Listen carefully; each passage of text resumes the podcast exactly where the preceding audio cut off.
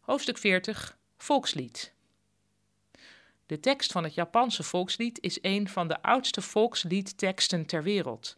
Het is een gedicht uit de 10e eeuw, de auteur is onbekend. De melodie van het lied is nieuwer, die is gecomponeerd in 1880.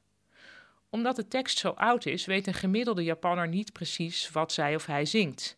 Een losse vertaling is dit: uh, Duizend jaar van vreugdevolle heerschappij, heers, mijn heer, totdat de kiezelsteentjes gegroeid zullen zijn tot enorme rotsen waar het mos op groeit. Twee dingen vind ik leuk aan deze tekst. Ten eerste, waar wij tegenwoordig denken dat een steen na heel veel eeuwen slijt tot een zandkorrel, dacht de dichter uit de 10e eeuw dat een kiezel kon uitgroeien tot een rots. En ten tweede, ik denk niet dat er een ander volkslied ter wereld is waarin mos zo'n prominente rol heeft.